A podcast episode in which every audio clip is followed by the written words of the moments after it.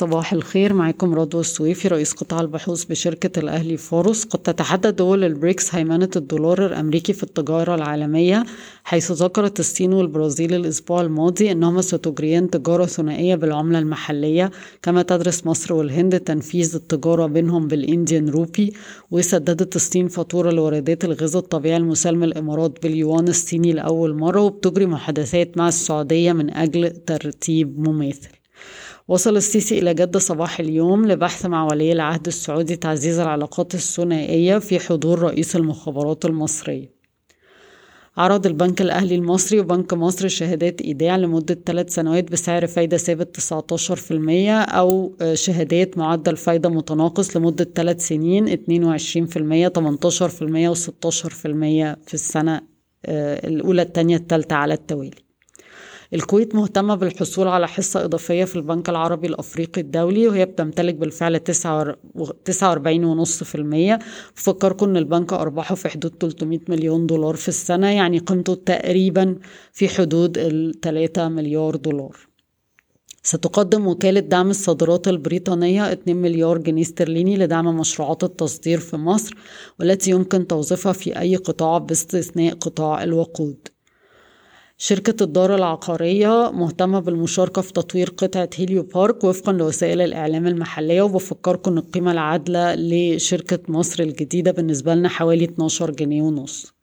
أعلن عز ستيل نتائج الأعمال للسنة المالية 22 الربع الرابع الإيرادات 23 مليار جنيه السنة المالية إجمالا الإيرادات 84 مليار جنيه الأرباح في الربع الرابع 570 مليون جنيه ولو شلنا خسائر العملة هتوصل ل 2.6 من عشرة مليار جنيه السنة المالية الأرباح إجمالا 4.3 من عشرة مليار جنيه بارتفاع 21% على أساس سنوي الأرباح كانت ممتازة جدا مدعومة برفع الأسعار و الهوامش القوية. شركة أوراسكوم للإنشاءات أعلنت أن تحالف البحر الأحمر لطاقة الرياح قد حقق إغلاق مالي ده إنجازها لمزرعة الرياح الجديدة بخليج السويس بقدرة 500 ميجا وات قرب رأس غارب. بفكركم أن أوراسكوم للإنشاءات حصتها 25% في مزرعة الرياح وهتقوم بتنفيذ أعمال الإنشاءات المدنية والصناعية والأعمال الكهربائية. السويدي صرحت في بيان للبورصة بعدم تلقيها أي عروض رسمية من صندوق سيادي خليجي أو شركة صينية لشراء حصة أقلية في الشركة وبفكركم القيمة العادلة للسويدي عندنا 20 جنيه. الجمعية العمومية لمصر للأسمنت قنا وافقت على توزيع 75 قرش بدل 50 قرش بعد توزيع 3.7 من عشرة في المية وجمعية القابضة الكويتية هتوزع 11 سنت بعائد توزيع 9 في المية هتتوزع بالدولار حتى على حاملي الأسهم المقومة بالجنيه المصري. Arabia Investments Holding صافي الربح سنة 22 حوالي 78 مليون جنيه. مصري بانخفاض 25% على أساس سنوي بسبب ارتفاع النفقات التشغيلية وخسائر العملات الأجنبية وانخفاض مكاسب رأس المال. الشركة هتوزع 20 مليون جنيه اللي هو عائد توزيع حوالي 4.5% وخمس أسهم لكل 100 سهم أصلي. شركة التوفيق للتأجير التمويلي هتوزع 42 قرش بعد توزيع 10% وبنك قناة السويس هيرفع رأس المال من خلال أسهم مجانية 27 سهم لكل 100 سهم أصلي.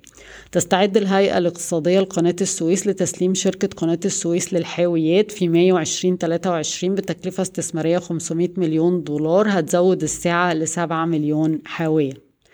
هفكركم بأسعار السلع العالمية سريعا. البرنت عند 80 دولار تقريبا ارتفع 6.5% زيت النخيل الخام عند 886 دولار للطن ارتفع 7.5% الألومنيوم عند 2377 دولار للطن ارتفع 3.5% الفحم الحراري ارتفع في المية لمية سبعة وسبعين دولار للطن. النحاس عند تسعة آلاف دولار للطن ارتفع واحد في المية. ال ال الأسعار الخامات اللي نزلت البولي بروبيلين نزل 2% ل 1003 دولار تقريبا. الفرق بين أسعار الحديد وخام الحديد نزلت 3% ل 473 دولار للطن.